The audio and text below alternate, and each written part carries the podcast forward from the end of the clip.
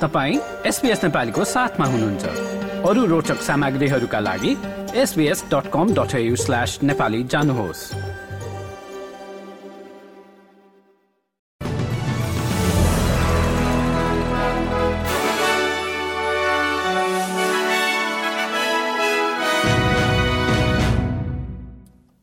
नमस्कार। आज मङ्गलबार तेइस जनवरी सन् दुई हजार चौबिस। अब पालो भएको छ एसबीएस नेपालीमा। आजका प्रमुख अस्ट्रेलियन समाचारहरू सुन्ने। सुरु गरौं पूर्व प्रधानमन्त्री स्कट मरिसनको प्रसङ्गबाट। पूर्व प्रधानमन्त्री स्कट मरिसनले फेब्रुअरीको अन्त्यमा संघीय संसद छाड्ने घोषणा गरेका छन्। मरिसनले मंगलबार सामाजिक सञ्जाल फेसबुकमा उक्त घोषणाको पुष्टि गर्दै उनले कर्पोरेट क्षेत्रमा काम गर्न र आफ्नो परिवारसँग बढी समय बिताउन राजनीतिबाट विदा लिने निर्णय गरेका बताएका हुन्। साइबर सुरक्षा विशेषज्ञहरूले सन् दुई हजार बाइसको अक्टोबरमा मेडी ब्याङ्कको निजी नेटवर्क उल्लङ्घनमा संलग्न व्यक्तिमाथि साइबर प्रतिबन्ध लगाउने सरकारको निर्णयले स्पष्ट सन्देश पठाउने बताएका छन्। साइबर आक्रमणमा मेडिब्याङ्कका कम्तीमा सन्तानब्बे लाख ग्राहकहरूको डाटा डार्क वेबमा प्रकाशित भएको थियो। अस्ट्रेलियाका केही राज्य र प्रदेशहरूमा आउँदा दिनमा तातो हावा चल्ने अर्थात् हिट वेभ आउने चेतावनी ब्युरो अफ मिटेरोलोजीले जारी गरेको छ।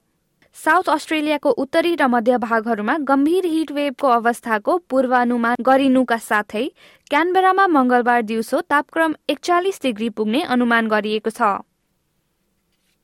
अर्कोतर्फ क्विन्सल्याण्डका बासिन्दाहरू साइक्लोन किरिलीको सामना गर्न तयार रहेको समयमा आपतकालीन सेवाहरूमाथि पर्ने भार आफ्नो सबैभन्दा ठूलो चिन्ता रहेको राज्यका प्रिमियर स्टिभन माइल्सले बताएका छन्। कोरल समुद्रबाट सुरु हुने भनिएको चक्रवात आज तीव्र हुने अपेक्षा गरिएको छ र बिहिबार पच्चिस जनवरीमा इनिसफेल र एयरली बीचको तट पार गर्ने पूर्वानुमान गरिएको छ। र अब खेलकुदमा अस्ट्रेलियन टेस्ट क्रिकेटका कप्तान प्याट कमिन्सले अस्ट्रेलिया डेको मिति परिवर्तन गर्न आग्रह गरेका छन्। यस वर्षको जनवरी छब्बिस वेस्ट इन्डिज विरुद्धको दोस्रो टेस्टको दोस्रो दिन परेको छ र क्रिकेट अस्ट्रेलिया सिएले उक्त खेललाई अस्ट्रेलिया डे म्याच भनेर नाम नदिन निर्णय गरेको छ। हस्त एसपीएस नेपालीबाट आजका प्रमुख समाचार यति नै। सुरक्षित रहनुहोस्। नमस्ते।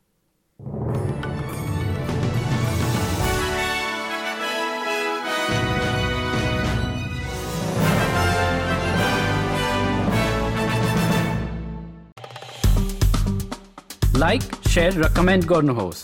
एसपिएस नेपालीलाई फेसबुकमा साथ दिनुहोस्।